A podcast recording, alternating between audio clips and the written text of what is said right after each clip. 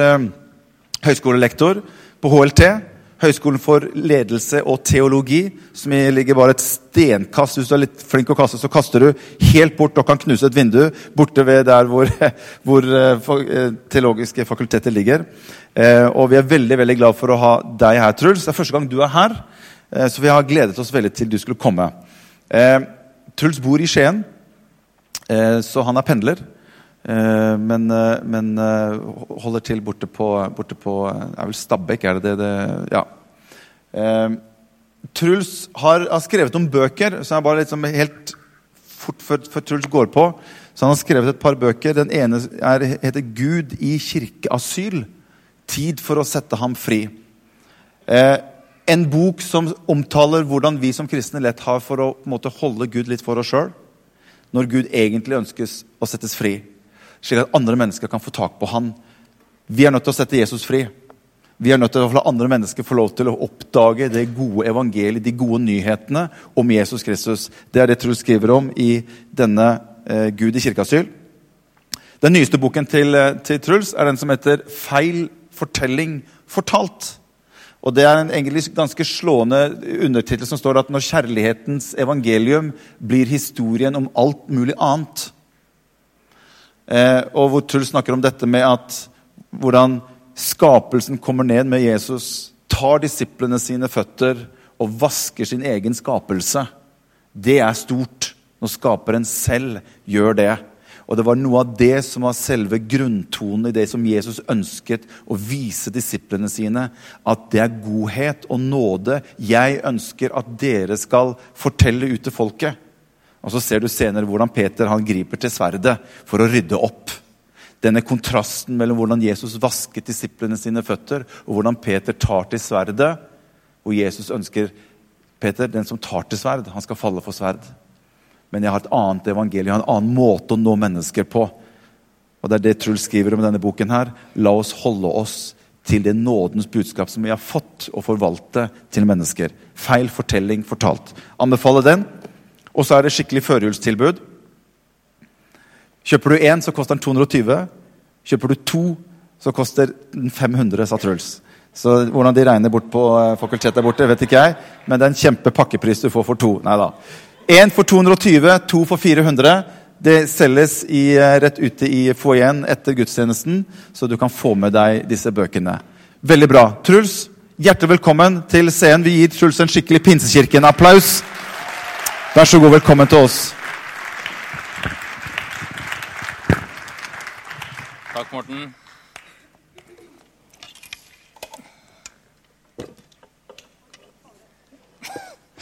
Når du ikke Ok.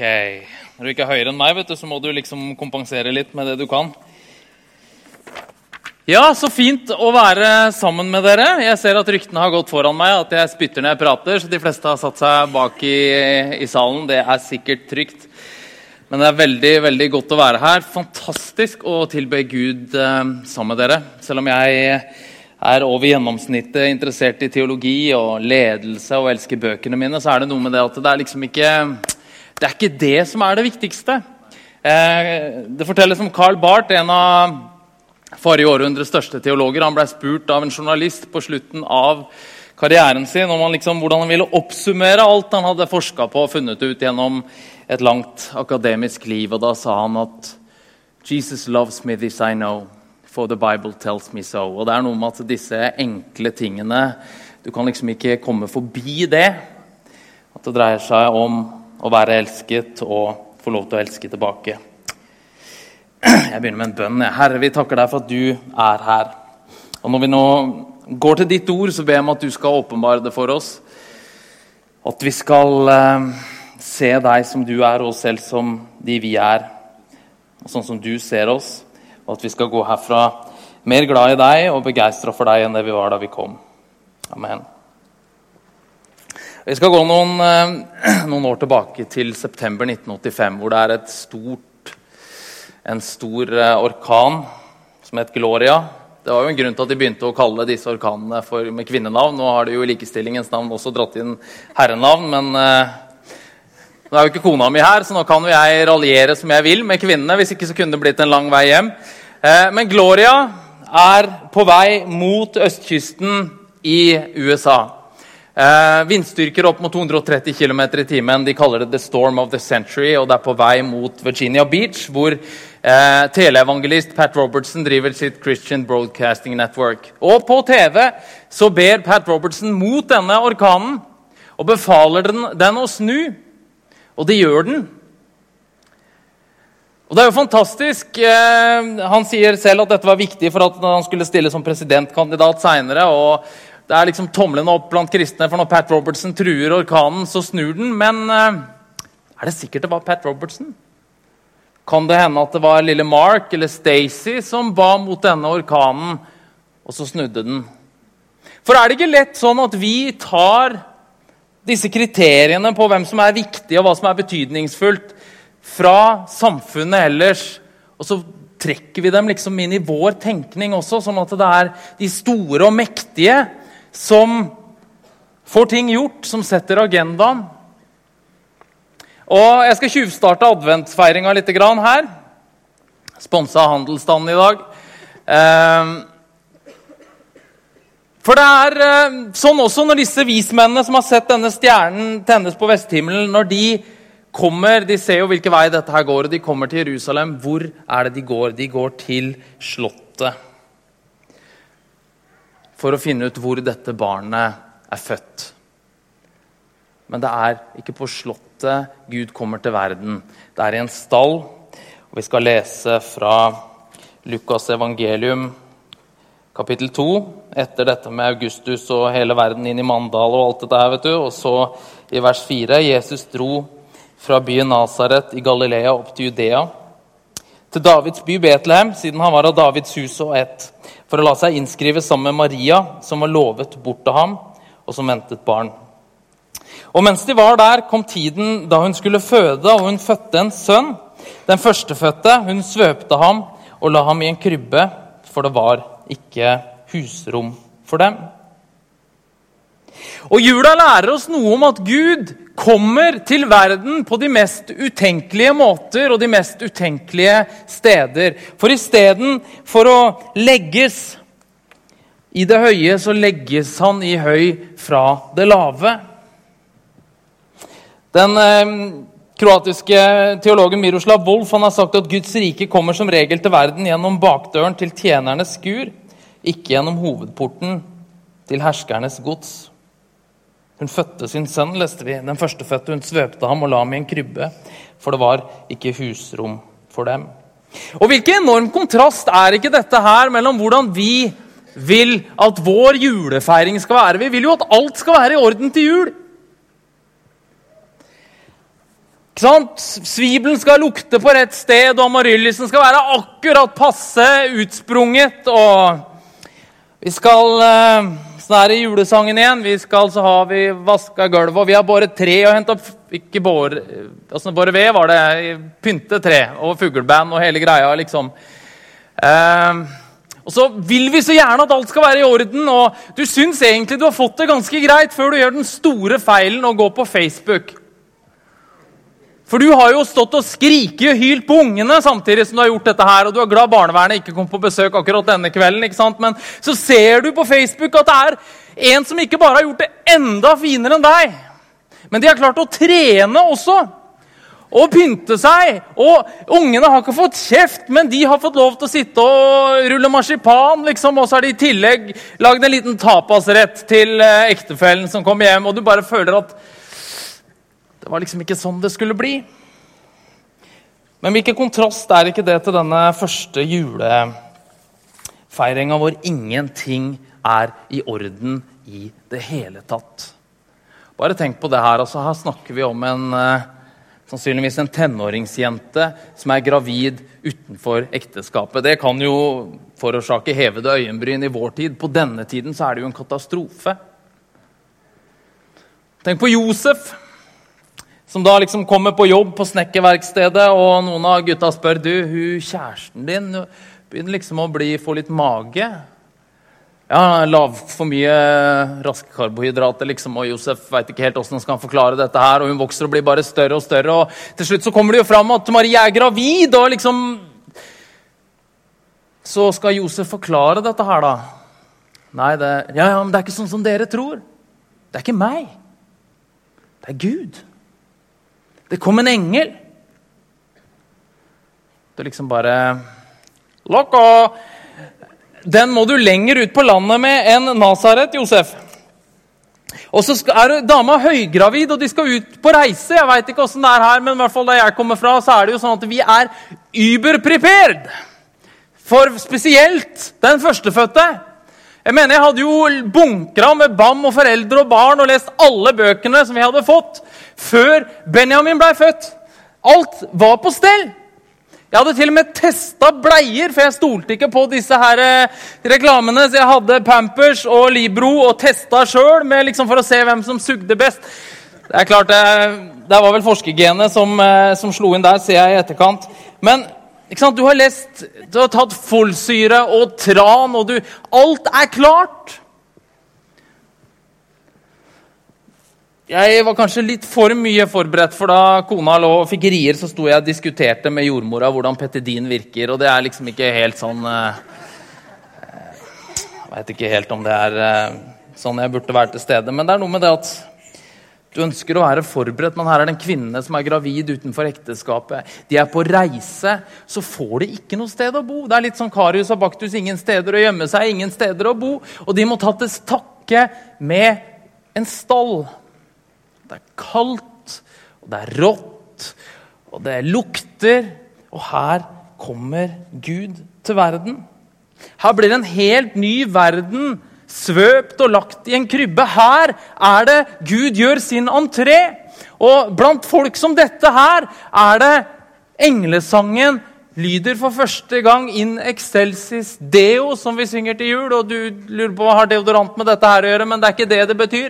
Eh, jeg fikk tre deodoranter en gang til jul, og da, klart, da tar du tegninga. vet du. Eh, men eh, in excelsis deo, ære være Gud i det høyeste. Det var noen gjetere der i nærheten, skriver Lukas videre. Og De første tilbederne er de lokale hyrdene. Og nå må du glemme den her fine julekrybba di som du verker etter å ta opp fra Willow Tree eller Hadeland Glassverk eller hvor du har kjøpt den. De liksom fine, fine gjeterne. Dette var kroppsarbeidere. Svette kroppsarbeidere. Altså, Dette var gutta med pinup-bilder i, i garderobeskapet på jobb, liksom. Hvis de i det hele tatt skifta noen ting som helst. Det var countrymusikk og Amcar-festivaler og hjemmebrent og Wunderbaum og alt du måtte Hvis du liker det, så Herren elsker deg for det. Men altså, dette her er liksom Dette er ikke de flotte, fine gjeterne du er vant til. Dette her Disse folka sto på bånn av samfunnet. Og Noen kommentatorer mener at de var ikke engang gyldige som vitner i en rettssak. Og til disse folka er det Gud kommer og viser hvem han er. Disse folka er det som bryter 400 år med stillhet. Fra Malaki setter siste punktum i Gamle Testamentet til vi begynner opp igjen. Så er det de folka som skal komme med budskapet! Jeg skulle tenkt at Gud trengte noe hjelp med rekrutteringa her, men kanskje er det et poeng han vil ha fra, fram. For vi hadde ikke tenkt at Gud skulle komme på denne måten. Vi hadde jo tenkt at han burde jo komme på Slottet. Det burde ikke vært gjeterne som skulle være de første vitnene. Det burde jo vært teologene.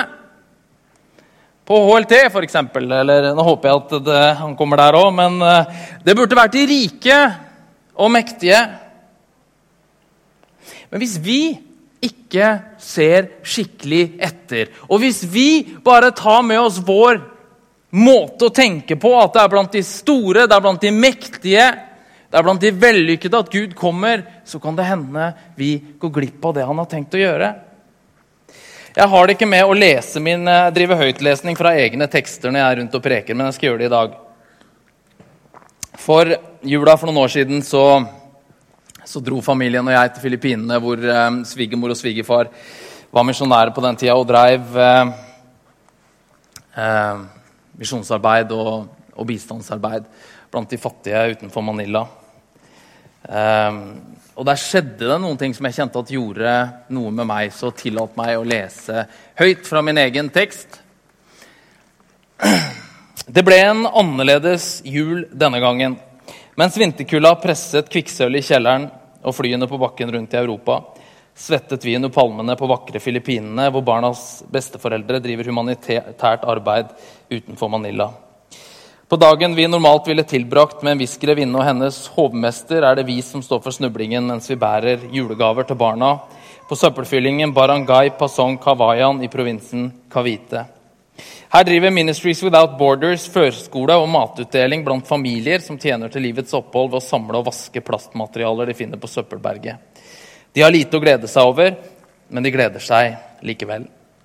For nå samles de til lek og moro i en liten skolebygning misjonærene har reist i utkanten av fyllingen. Latteren brer seg i det lille huset. Frivillig trer fram. Tom Jones synger 'Sexbomb, sexbomb' gjennom høyttalerne. Og meningen er å stå bom stille når spetakkelet stopper. Musikkvalget ville neppe vært det samme hjemme. Det ville nok ikke stemningen heller, for her skal det danses. Først barna, så mødrene, og til sist er det jeg som skal til pers. Jeg må innrømme at jeg har en dypfølt skepsis mot å danse. Ingen religiøs overbevisning, selv om jeg dro det kortet for å slippe dans på skolen. Ingen problemer med at andre gjør det. Jeg kan rett og slett bare ikke fordra å gjøre det selv. Likevel står jeg på betonggulvet og svinger til sexbom, sexbomb. Jeg er lysår utenfor min egen komfortsone, men det gjør ikke noe. For her er det ikke lenger pastor from Norway som besøker fattige barn på en søppelfylling i tropene. Her er vi bare mennesker som opplever at det er mye mer som forener enn skiller oss. Vi er alle tiggere som har fått plass ved Herrens overfylte festbord. Noen er bare mer klar over den andre. For dem er budskapet om en frelser som døde for at de skulle få liv, gode nyheter fordi de er smertelig klar over sin egen nød. I Vesten blir evangeliet lett brysomt rusk i et velsmurt maskineri drevet av forbruk og selvrealisering fordi det å gi sitt ja også innebærer et nei til å gå sine egne veier. En nydelig jente ser granskende på meg. Jeg smiler, men det blir en nydelig liten jente, må jeg legge til her, så ikke det blir eh, En nydelig liten jente ser granskende på meg. Jeg smiler, men det blir ikke besvart. Ikke ennå. Etter flere runder med sexbomb, sexbomb har reservasjonen dampet bort i den varme lufta full av fluer. Endelig finner noen pauseknappen på CD-spilleren, og Team Jones' landeplage finner sin forhåpentligvis siste hvile. Barn og voksne kalles fram ved navn for å motta sine, sin porsjon av spagetti og pansitt. Jeg fryser på ryggen i 30 varmegrader da navnene på mine, to av mine nye venner ropes opp. Angel og Gabriel. Engel og Gabriel. Også vi har fått englebesøk denne jula. To førskolebarn i slummen lærer meg mer om Gud enn den mursteinen i religionsteologi som jeg hadde med som lesestoff på turen. Midt imot verdens tankegang gir Gud de fattige en privilegert plass når han forteller sin historie. Vi er alle både mottaker og giver av evangeliet.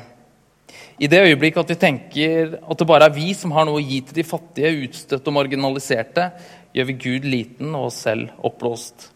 Jeg sender en liten tanke til dypfryste Norge. Der daler engler ned i skjul ved juletider. Her bor de i skjul året rundt. Men også denne julen viser de oss veien til Herren. Ære være Gud i det høyeste synger englene. Og fred på jorden blant mennesker som Gud har glede i. Jeg tror vi kan, vi kan, forvente at Gud både kan og vil gjøre store ting, men det er ikke alltid han gjør det sånn som vi hadde tenkt. Det er ikke sikkert det skjer på Slottet. Det er ikke sikkert det skjer blant de mektige. Kanskje er det hos en tenåringsjente i en stall blant gjetere. Og Kanskje er det sånn at vi må lære oss å se det lille i det store om vi skal få tak i hva Gud gjør. Det går noen tiår, og så er Jesus på banen, og han samler store menneskemengder. Og så er det helt tydelig at han har glemt å få med seg en PR-rådgiver i, i hoffet av medarbeidere. For når han burde liksom vært i Jerusalem og han burde surfe på den medgangsbølgen han er i, så trekker han opp på fjellet, og så setter han seg ned, og så framfører han en av sine mest, og kanskje historiens mest radikale prekener, bergprekenen. Og Der sier han at salige er de som er fattige i ånden, for himmelriket er deres. Salige er de som sørger, for de skal trøstes. Salige er de ydmyke, for de skal arve jorden. Salige er de som hungrer og tørster etter rettferdigheten, for de skal mettes. Og til disse folka så sier han at dere er jordens salt. Dere er verdens lys. En by som ligger på fjell, kan ikke skjules. Ja, Men hvordan i all verden Jesus, kan disse folka forandre noe som helst? Du veit jo hvordan du skal forvirre en kristen. Det er å slå ham på begge kinna samtidig. For da veit han ikke hvilket kinn han skal snu til. Og liksom, Sånne mennesker tenker du at de skal forandre verden? Ja, men så er det som om Jesus ønsker å omdefinere noen ting på, på hvordan han har tenkt å vinne verden.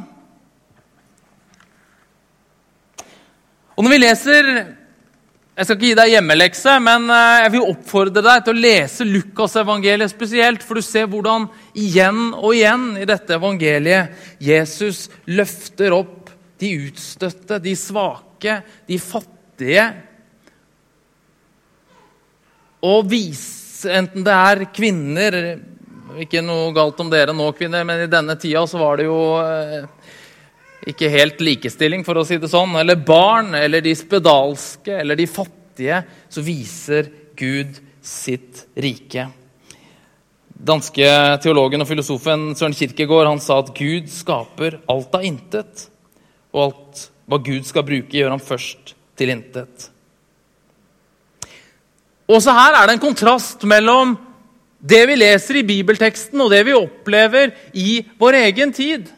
For fra vi er små, så får vi jo dette spørsmålet Hva skal du bli når du er, blir stor? Når en eller annen gammel tante med skjegg og camphor drops kommer, ikke sant, så er det liksom å spørre hva skal du bli når du blir stor? For bli noe må vi. Og mens man i tradisjonelle kulturer eh, på, på sett og vis fikk sin identitet i fødselsdagsgave Vi har dette uttrykket Skomaker bli ved din lest. Ble du født som en husmann, så ble du en husmann. Du arvet på en måte en eller annen identitet. Så er det sånn at i vår tid så må vi skape vår identitet. Og mens man i tradisjonelle kulturer så var det sånn at hvis vi bare går noen generasjoner tilbake, så var det sånn at det lå en begrensning i hva du kunne bli. Jeg snakka med min farmor, som nå Sitter vel der oppe og ser på meg, holdt jeg på å si. Eh, på sine gamle dager så spurte jeg farmor hva ville du bli når du var ung. Og hun fortalte meg at hun ville bli lege. Men det var utenkelig for en, eh, en helt ordinær jente fra Nestrand i Ryfylke, født tidlig på 1920-tallet, å skulle bli lege. Så hun ble noe annet. Men man stanger liksom i dette taket på at det finnes så masse grenser. Mens i vår tid så kan man bli hva man vil. Men det betyr også at vi må bli noen ting. Vi må skape oss selv. Og Det skrives jo stadig om generasjon prestasjon, om generasjon perfekt, om unge med stress og psykiske problemer fordi man oppleves for et sånn vanvittig press for alle områder i livet. Utsettes for forventningspress. For det er ikke bare at vi har mulighet til å bli hva vi vil, men vi må bli noen ting. Og Hvis ikke vi får det til, så er det liksom fordi at vi ikke har tatt godt nok vare på det vi har fått.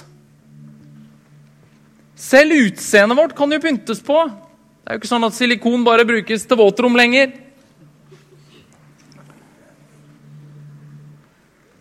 Og vi bygger vår identitet utenfra og vi måler hverandre ut fra hvor mange bokstaver vi har etter navnet, eller hvor mye penger det står vi tjener i skattelistene, eller hva slags bil vi kjører, eller hvor mange likes vi har på Facebook, eller hvor mange retweets vi har på Twitter. Og jeg sier ikke at du skal slutte å bry deg. Jeg sier ikke at ikke du skal få deg utdannelse, jeg sier ikke at ikke du kan ta vare på deg sjøl. Men det er noe med denne julefortellingen som forteller en annen fortelling om at ikke det alltid er de flinke og mektige og vellykkede som forandrer verden. Og at gode nyheter ofte kommer gjennom skrøpelige kanaler. Og at vi kan legge av vårt eget stress og komme til Gud og møte Gud ved et barn som blir født i en stall. Da engelen Gabriel kom til, eh, til Maria og sa at du skal fødes Du skal føde den høyeste sønn. Så spør hun det eneste naturlige spørsmålet, og det er hvordan skal dette skje? Jeg har jo ikke vært sammen med noen mann. Så sier engelen at Den hellige ånd skal komme over deg, og den høyestes kraft skal overskygge deg. Og kanskje er det noen her i dag som som har gått på en smell. Det er noen ting som har blitt knust på innsida. Det er kanskje noen drømmer du hadde, noen ønsker du hadde for livet ditt.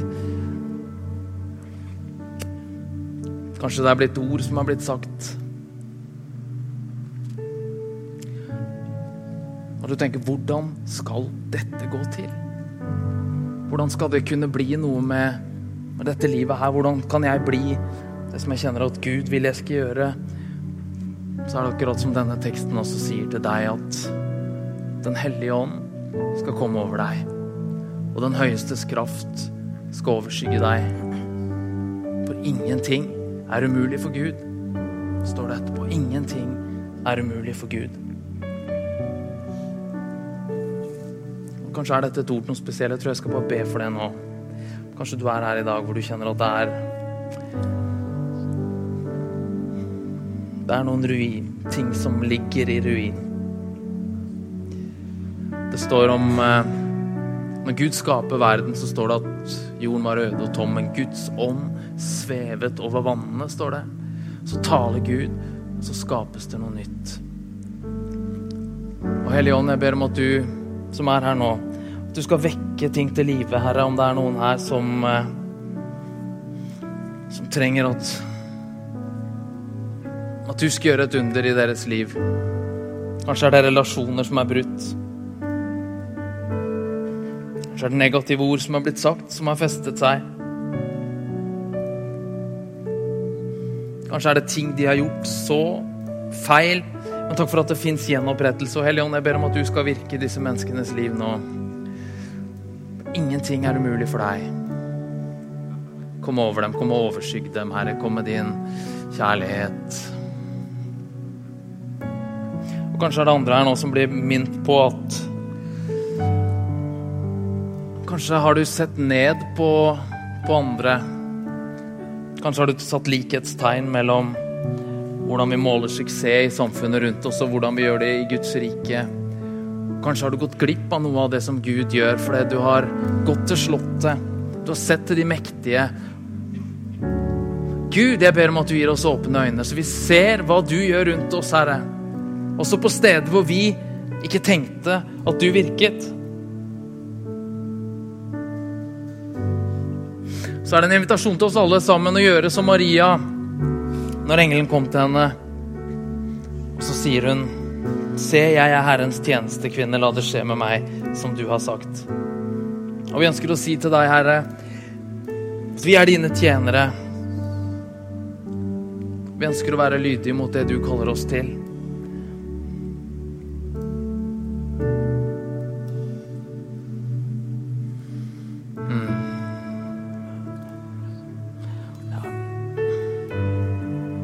Tror, vi, jeg tror, jeg skal avslutte der, og, vi skal avslutte sånn som det står om i slutten av denne fortellingen i Lukas 2, om disse gjeterne. At de lovet og priste Gud for alt de hadde sett og hørt. Det er den eneste naturlige reaksjonen i møte med en sånn Gud, som løfter opp. Han står i, i Det gamle testamentet i Jesaja så står det at i det høye og hellige bor jeg, og hos den som er knust og nedbøyd i sin ånd. Og hvordan responderer man til en sånn Gud? Da? Jo, man bringer sine gaver, som vismennene gjorde. Vi gir han vårt liv, og så tilber vi han. Kan vi ikke gjøre det nå? I takknemlighet for hva han har gjort, og for hva han er. Herre, vi takker deg for at du ikke ser i forakt til noen av oss, Herre. Vi takker deg for at vi kan komme til deg sånn som vi er. Med vår skrøpelighet, med våre feil. Så tar du imot oss, Og så ser ikke vi helt hvordan regnestykket skal gå opp, hvordan det skal kunne bli noe av dette her. At de tingene som du har sagt, kan skje i og gjennom oss. Men så sier du at du vil gi oss av din ånd. Den hellige ånd skal komme over oss, og din kraft skal overskygge oss. For ingenting er umulig for deg.